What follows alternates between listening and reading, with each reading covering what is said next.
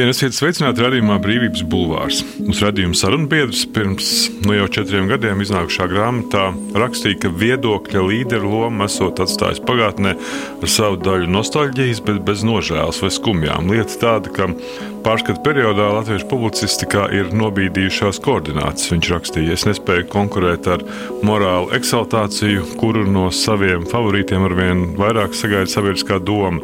Nodarboties ar inteliģento aģitpropu man vienkārši neļauj audzināšana. Mūsu redzējuma viesis politiķis, Eiropas parlamenta deputāts un politologs Ivars Ījams. Cik konfliktējošas ir nu, šīs divas identitātes?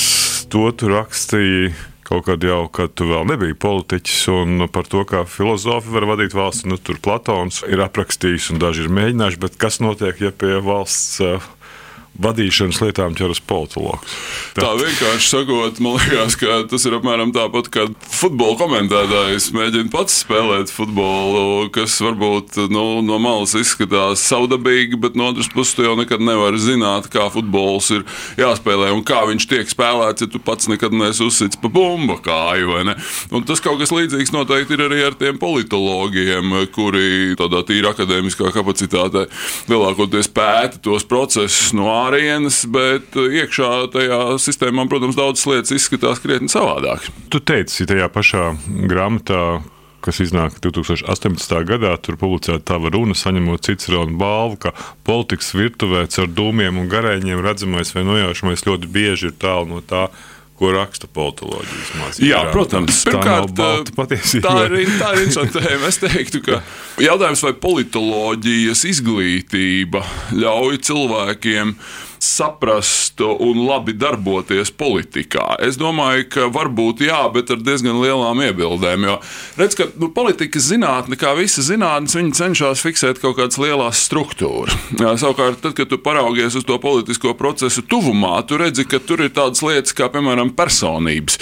Dažādi cilvēki ar dažādiem uzskatiem, dažādām simpātijām vai antipātijām viens pret otru, kuras tu nekad nevienā politoloģijas teorijā iekšā neierakstīsi. Un, tieši tāpēc tās ir divas diezgan atšķirīgas lietas. Un ko no tā secināt? Ka...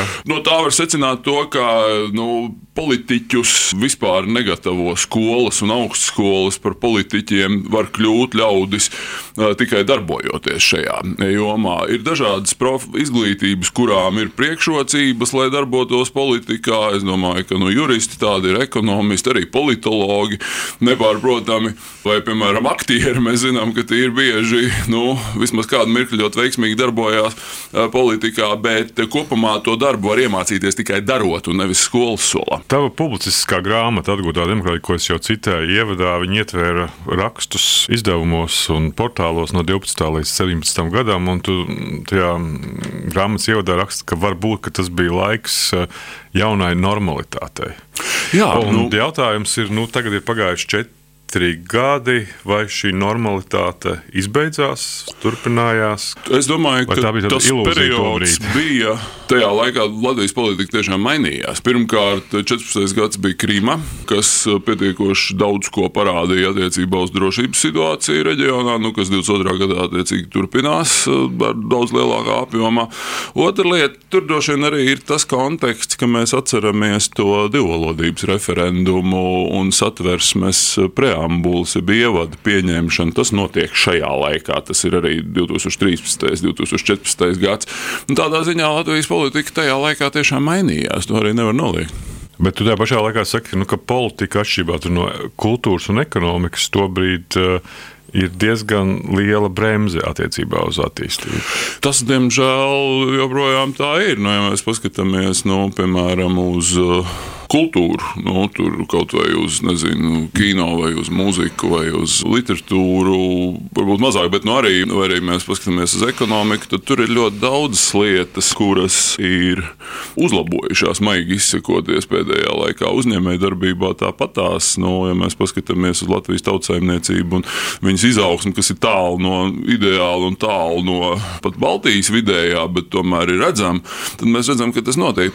Turpretī politikā notiek notikušas ir nu, mazāk varbūt priecīgas lietas, ja mēs paraugamies piemēram uz to iepriekšējo saimu, kur nu, pietiekoši lielu procentu balsu iegūst un pat valdībā nonāk kaut kāda nu, absolūti kliedzoša un nekompetenta populistu partija, kur pat iegūst ministrs un kādu mirkli valda to valsti. Arī attiecībā teiksim, nu, uz to demokrātija mainās vai vispār nav skaidrs, kas notiks ar kādā veidā demokrātija attīstīsies tuvākajā laikā, kam piederēs mākslīgais intelekts un tam līdzīgas lietas, un kā tās tiks izmantotas. Es domāju, lielā mērā par to laikmetu, kurā mēs dzīvojam, kurš visdrīzāk, man vismaz tā šķiet, kā saka, kā diletantam vēsturniekam, ka nākotnes vēstures grāmatās par šo laikmetu varbūt mazāk runās kā par Trumps un kaut kādas tam līdzīgas lietas un Ķīna, bet vairāk runās par laikmetu, kurš ir digitālās revolūcijas laikmets. Tas, ko mēs šobrīd redzam, arī attiecībā kā reiz uz demokrātijas ietekmi ietekmēšanu caur sociāliem tīkliem, caur dažādām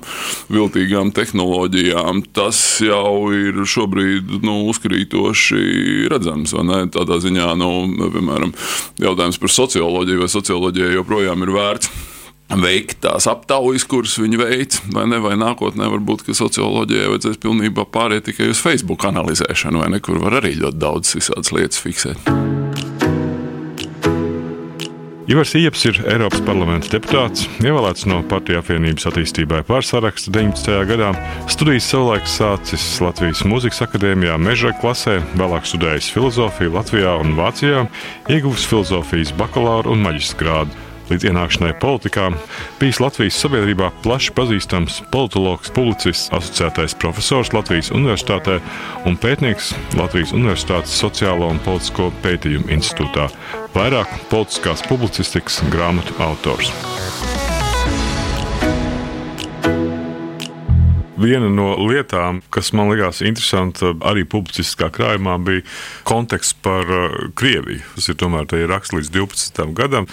Tur raksta, ka nu, laikos, kad katrs gludeklis runā par ģeopolitiku, valsts iekšpolitiskie procesi daudziem šķitīs nu, sekundāri. Un tur viena no tām tavām tēzēm ir, ka, lai arī konkrēti mēs runājam par ārpolitiskiem procesiem, tomēr daudz prioritārāk ir tieši iekšpolitiskie, ja mēs vēlamies saprast pasaulē notiekošo vispirms ir nu, vērts izpētīt, kas notiek atsevišķās valstīs un nevis otrādi. Un, ja mēs skatāmies šobrīd tajā Krievijas un Eiropas attiecību kontekstā, mēs redzam, ka šī Eiropas vienotība pamazām atkal sāk ļodzīties. Bet Eiropas politika ir lielā mērā nu, iekšpolitika. Es uzdrošināšos to teikt, jo vāciski pat ir tādi divi jēdzieni, tev kā vācu valodas zinātājiem, zināt, viņiem ir tausna politika, ir kaut kas cits nekā Eiropā politika. Respektīvi, Eiropā politika tā ir paša pašmāja politika. Jo, nu, kā Eiropa jau dara daudz tādas lietas, kuras saistītas ar mūsu iekšpolitiku, kaut vai to pašu visu ekonomiku, tur visādas fondus. Tā nav tā tipiskā no ārpolitika, kas ir tur diplomātija tur un, un drošība.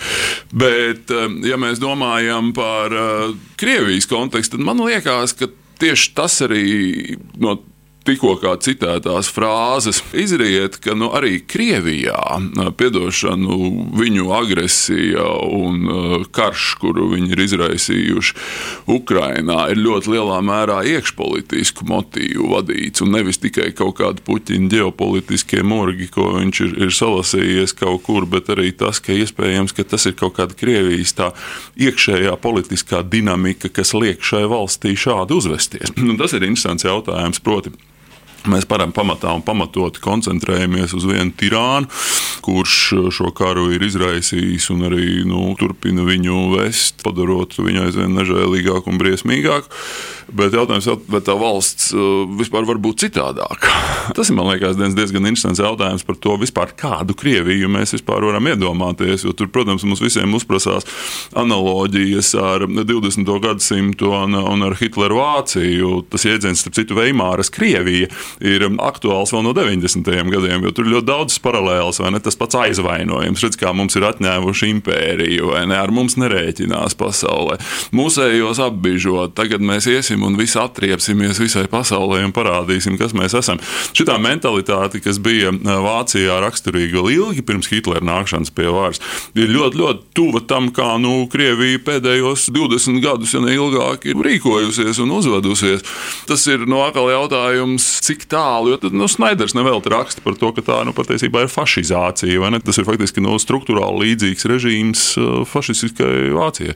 Un, no tāda raugoties, tie ir iekšpolitiski procesi iespējams, kas liek Puķinam šādi rīkoties. Un iespējams, ka ja viņa vietā būtu kāds cits, tad tas iznākums varbūt nebūtu neko labāks vai normālāks.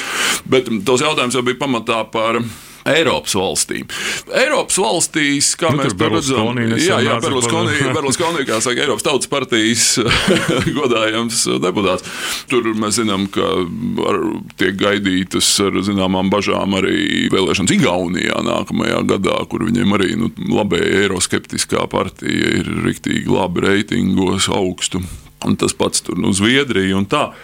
Nu, šobrīd nekas īpaši neliecina, ka tā Eiropai kā tādai draud kaut kāds pendelis. Es domāju, ka tas notiek. ir politiskā pendeli un arī, protams, tas, ka nu, cilvēki ir iespējams noguruši no tādas straujas globalizācijas un ka liekas, ka kaut kādas lietas tomēr vajag darīt pašiem mājās. Un viens no tiem lieliem jautājumiem, kas, protams, šobrīd ir, tā ir nu, enerģētika, enerģijas cenas, viss tas, kas notiks.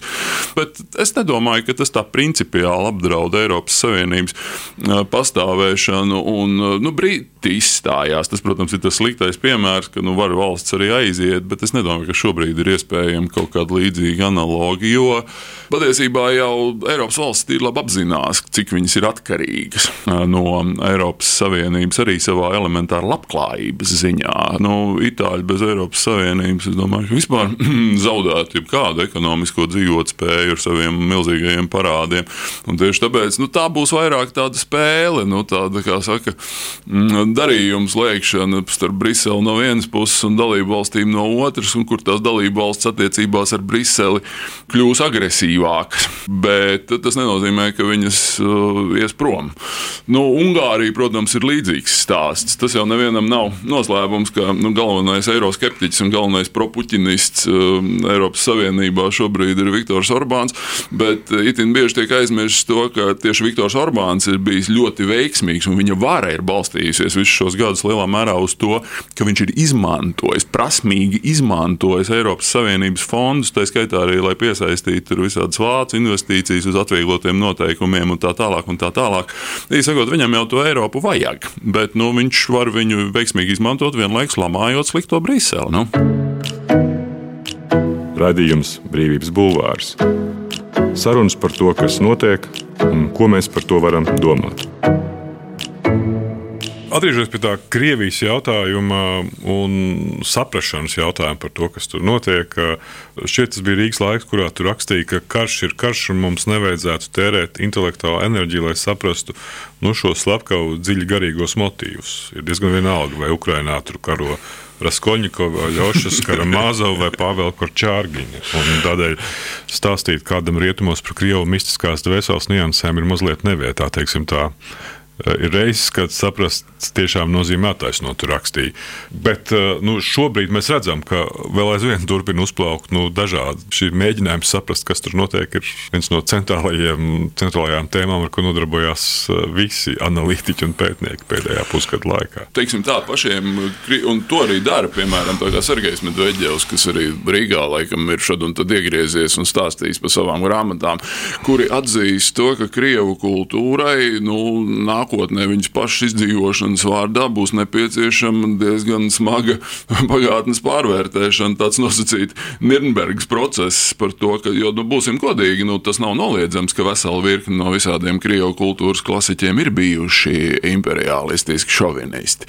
Tur mēs tīri labi, nu, Dostojevskis, piemēram, ne? Nu, kurš ir, nu, viss, kas, kam tad nepatīk Dostojevskis un tā, un tā, bet, ja tu paskaties, piemēram, to, ko viņš ir rakstījis par Krievijas lomu pasaulē, par pareizticību un, un par ebreju, ebrejiem, tad tu pamanīsi, ka tas ir kaut kas no, no tādas mūsu, nezinu, eiropeiskas perspektīvas patiesībā diezgan briesmīgs ārprāts. Un nemaz nerunājot par tādiem nu, neseniem klasiķiem un Nobelpremijas laureātiem kā Brodskis. Nu, tur, tas, protams, ir skandalos, bet nu, viņam ir kurā gadījumā tas viņa dzējolis, kur viņš ar lepnumu vēl 90. gados kaut kur tika deklamējis par Ukrainu. Tas jau ir nepārprotams vienkārši imperiālisms un nicinājums pret kaut kādām citām tautībām, kas dzīvo Krievijas tuvumā. Ko es ar to gribu teikt? Ir tas, ka nu, Krievijas kultūrai pašai patiesībā ar to būs jātiek galā tāpat kā vācieši tika galā ar daudzām lietām pēc Otrā pasaules kara. Nu, nu, es tas ir kaut kāds nākamo 30 gadu. Es pieņemu. No, vāciešiem 68. gads apmēram iezīmēja tādu pagvērsienu. Nu, jā, bet nu, tur bija, kā mēs to zinām, arī, piemēram, vācu kultūras starptautiskais prestižs un reputācija. Vai tā, tavuprāt, ir sagadīšanās, nu, ka šī Putina retorika attiecībā uz uh, Eiropas un rietumu kultūras un sociālajiem procesiem nereti nu, sakrīt. Arī ar Latvijas atsevišķu politisko partiju narratīviem un uh, idejām, kuras tiek reprezentētas gan vēlēšanu procesā, gan arī, kā mēs redzam, pēc vēlēšanām valdības veidošanas procesā. Eiropā divas valdošās ideoloģijas, viena ir uz priekšu, un otra ir atpakaļ. Un Puķins, protams, ir nostājies šajās globālās atpakaļ ideoloģijas galvenā aizstāvja pozīcijās, un tāpēc viņš, protams, uh, spriežot pēc tā, ko viņš tajās runās, runā pēdējā laikā, tā galvenā nelaime ir tiešām, ka viņš tic tam kaut kādam tādam tādās vēstures lubu grāmatās, kaut kādam sarakstītam trešam par to, cik drausmīgi deģenerēta ir tā rietuma civilizācija un kā Krievijai, kā trešajai Romai tagad vajadzēs izglābt cilvēci ar viņas tradicionālajām vērtībām. No otras puses, kā jau vienam čekistam, tu nekad nesaproti, cik tas ir tomēr arī manipulatīvi un aprēķināti. Jo skaidrs, ka viss tas stāsts par homofobiju, kas nu, viņam ir ļoti, jo, piemēram, ja tu paskaties, nu, tur visi, tur visi patriarhi Kirīli un visi visi dugīni, kad viņiem vairs ne, nav ko teikt, kāpēc tik slikti ir tie rietumi. Tad nu, pēdējais, pie kā var vienmēr ķerties, redz, kā viņi tur apdraud, jā, jā, Eiropa, un, un, un šis to var vienmēr piesaukt. Nu, tā ir lieta, kas, protams, rūlē daudzās vietās, un es domāju, ka Puķins viņu izmanto veiksmīgi arī strateģiski, bet, piemēram, ja paklausās to runu, ko viņš teica īsi pirms iebrukšanas, rodās iespējas, ka viņš ir tiešām salasījies kaut kādu vēsturisku trešu. Tiešām nu, tic visiem tiem stāstiem par to, ka nu, rietumi tūlīt ies bojā un ka viņš ir vienīgais vienīgais ar Krieviju, kas aizstāv kaut kādas humanitāras un labas vērtības pasaulē. Nu, Bet jautājums, kāpēc nu, šie, šie paši narratīvi tiek uztverti vai uztverti un komunicēti arī nu, citās Eiropas valstīs, tā skaitā Latvijā? Bet kā Latvijā arī ir pietiekoši daudz cilvēku, kas grib atpakaļ, nevis uz priekšu. Nu, tas pēdējo gadu desmitu trans, straujās transformācijas, ka viņas ir aizgājušas par tālu, ka mums ir jāiet kaut kur atpakaļ. Es nezinu, kur, kur no Latvijas gadījumā atpakaļ. Tas ir, nu, kā saka, Ulmaņa laika PSRS. Ulmaņa, drīz Ulmaņa laika vai PSRS, bet nu, kaut, kaut kur atpakaļ. Protams, arī tīri objektīvi tas, ka nu, ir izveidojies tāds nu, ļoti spēcīgs antielitistisks sentiments, proti, tajā nozīmē, ka tas arī tā ir, ka nu, tās globalizētās liberālās elites ka viņas ir nu, diezgan bieži zaudējušas kādu saikni ar tādu nu, cilvēku ikdienas realitāti. Cilvēki to jūt. Tāpēc, nu, tur ir tas pats Trumps, kurš, protams, nav tāda līmeņa nu, saka, reakcionārs kā Puķins, bet vienalga arī par to, cik sliktas ir tās globālās elites, un mums beidzot ir jādod vara tautai un tā tālāk. Tās ir lietas, kas, es domāju, ļoti pamatīgi strādā visur. Un es domāju, ka mūsu kaimiņu valsts, kas vēl nesen tika uzskatīta par īstu īstu liberālismu citadeli, respektīvi Igaunija. Tur iet pa priekšu visiem, jo viņiem tā ekre patiešām ir. Nu, tā nav tāda nu, Latvijas līmeņa nacionālistiskā nu, labēja partija. Tā ir tāda tiešām Brexit partijas vai Lepēnas līmeņa tādi labējie populisti. Pavisam droši mums šodien stāv priekšā pakāpeniska aizvēršanās, nevis atvēršanās. Jautājums vienīgi, cik tālu mēs šai gliemenē ļausim aizvērties. Galu galā civilizētā rietumnieciskā fasāde joprojām ir būtisks Latvijas drošības priekšnoteikums. Tā ir Ivars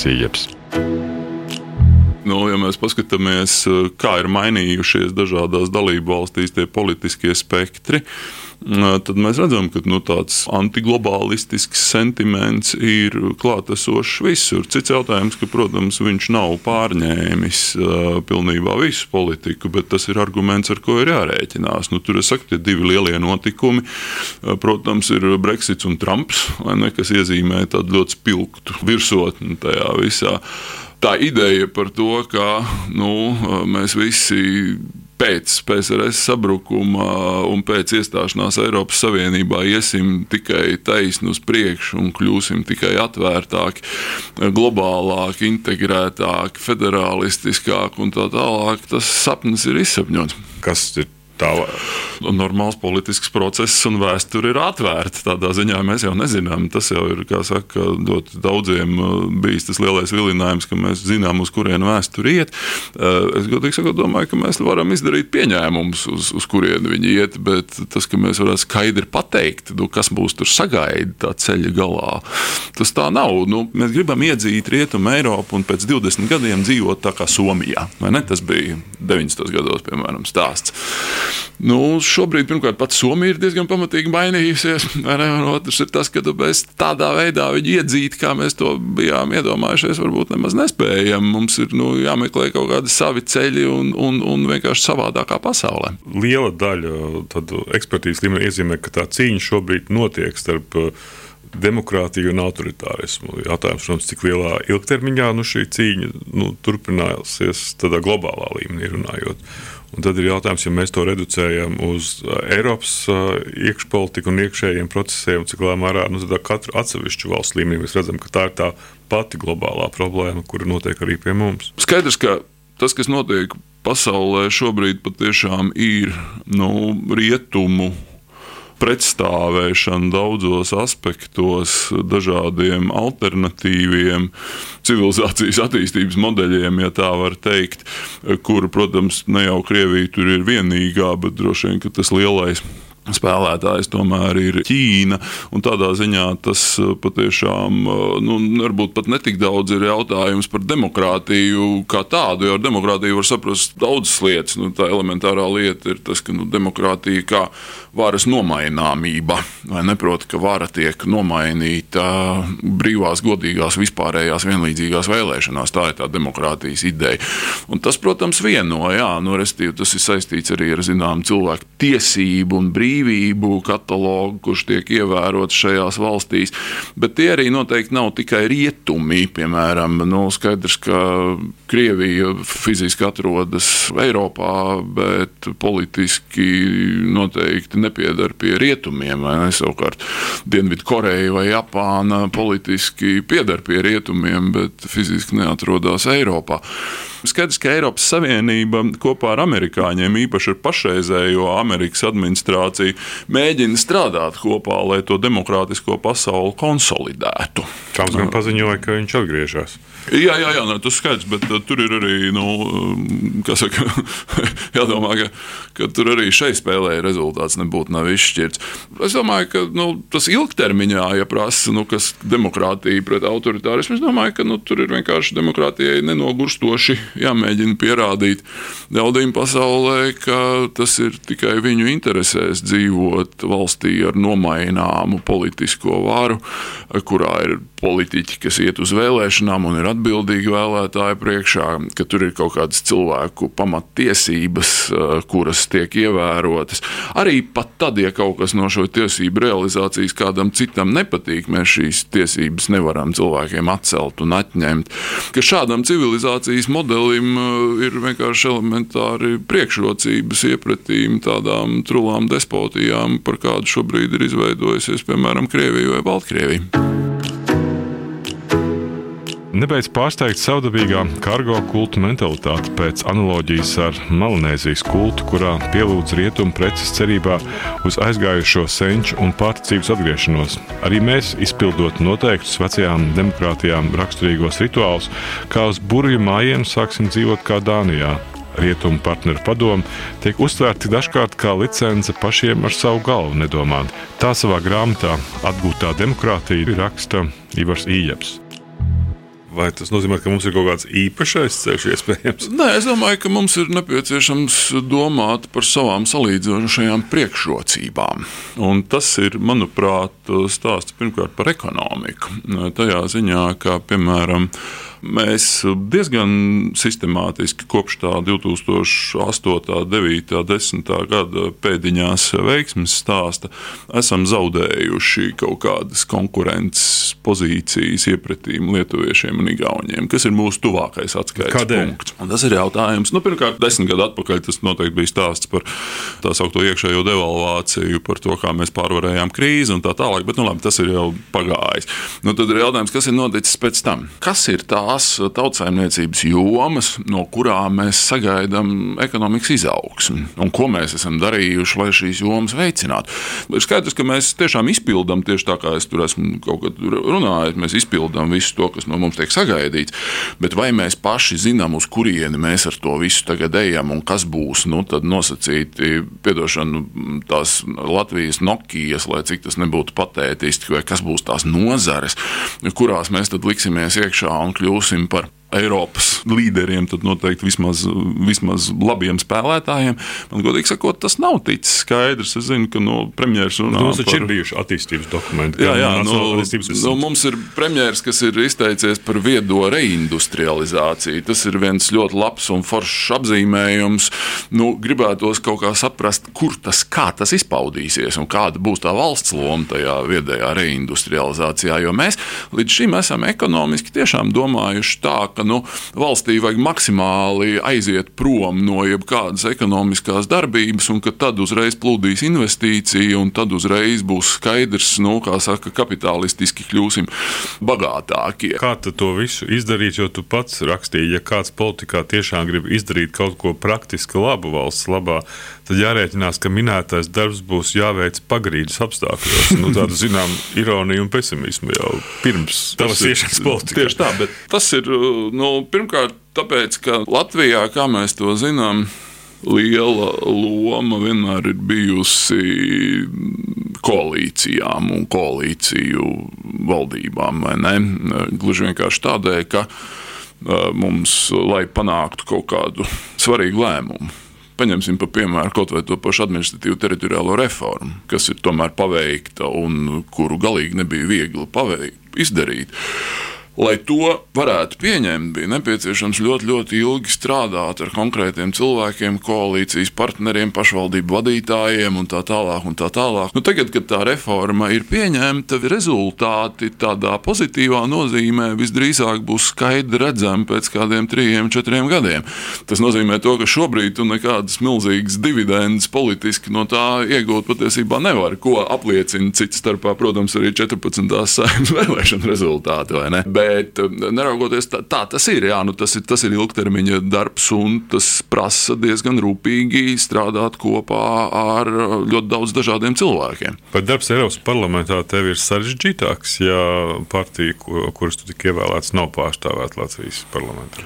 Vai tam nav nekāda sakra? Es domāju, ka tādā ikdienas darba līmenī, piemēram, tad, kad nu, es strādāju ar kaut kādiem uh, failiem, kas ir saistīti piemēram ar enerģētiku vai ar digitalizāciju, vai ar zinātni. Man eh, nu, nav problēmu sakontaktēties ar attiecīgo ministriju cilvēkiem, eh, kas par to atbild eh, konkrētā ministrijā, un ņemot vērā to, ka tie tomēr ir ļoti bieži nu, nepolitiski ierēģi, tad tur nav tāda veida problēma. Nav, ka nu, tur kāds man tur kā saka, nes, liektu padomu, piemēram, attiecībā uz Latvijas interesēm kaut kādā konkrētā jautājumā. Politiski jau droši vien, nu, jebkuras partijas būšana vai nebūšana valdībā tomēr ir arī tava ilgtermiņa uzticamības jautājums. Proti, ja tu esi ar spēcīgiem reitingiem un ar spēcīgu pozīciju valdošā koalīcijā, tad uz tevi skatās arī mazliet savādāk. Bet es nedomāju, ka tas kaut kā ilgtermiņā man traucēs arī elementāri tādēļ, ka, kā jau mēs to runājām, liberālisms Latvijā ir dzīvs, pat neraugoties uz to, ka nav pārstāvēts parlamentā. Paldies! Tas bija citējot viņu pašu eks-viedokļu līderis Ivars Ijaps raidījumā Brīvības Bulvāris, politiķis, deputāts Eiropas parlamentā un politologs. Un mans vārds Gins Grūbe. Raidījumu ierakstīja Toms Šits un Monteja Nora Mītspa. Paldies! Paldies! Brīvība ir brīvība. Nevienlīdzība vai taisnīgums, vai kultūra vai cilvēks laime. Tā teica Iesai Berlīns. Sarunas ar brīvas apziņas un ideju cilvēkiem raidījumā Brīvības bulvārs.